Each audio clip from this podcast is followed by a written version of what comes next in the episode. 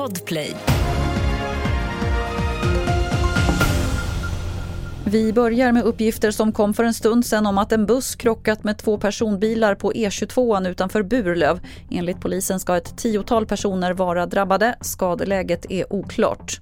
Snövädret ställer till det för tågtrafiken i de nordöstra delarna av landet. SMHI har en orange varning ute längs Norrlandskusten om snöfall i kombination med vind. Och enligt Trafikverket väntas stora förseningar på ett 20-tal tåg, framförallt på stambanan.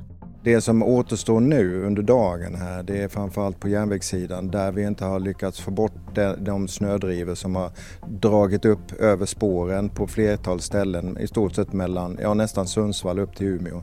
Så att det är någonting som vi måste jobba med under dagen eh, för att kunna ha full trafik. Det sa Bengt Olsson, presschef på Trafikverket. Nyss kom också rapporter om att man har tvingats stänga Örnsköldsviks flygplats på grund av snöovädret. Bussar i området är inställda och lastbilar har fastnat på E4.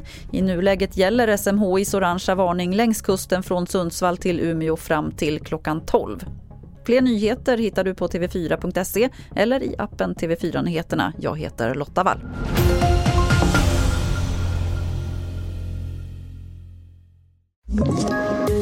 Poddtips från Podplay.